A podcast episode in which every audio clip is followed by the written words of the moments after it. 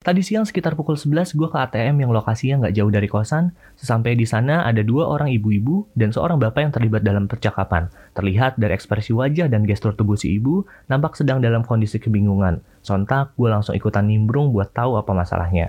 Ternyata si ibu melakukan penarikan sejumlah uang, namun mesin ATM-nya tidak mengeluarkan uang sama sekali. Dan ketika dicek melalui M-Banking, transaksi tersebut sudah kedebet di rekeningnya.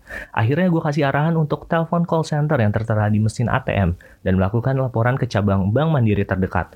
Di sini si ibu menggunakan kartu ATM Bank DKI dan melakukan transaksi di ATM Mandiri.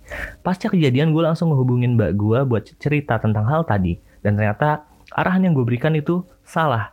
Seharusnya kalau setiap transaksi kuncinya ada di kartu bank apa yang digunakan. Kalau si ibu pakai kartu bank DKI, ya berarti harus ngadu ke bank DKI-nya, bukan dilihat dari mesin ATM yang digunakan. Semoga ceritanya bermanfaat. Gue Zakir Wandi dan terima kasih sudah mendengarkan.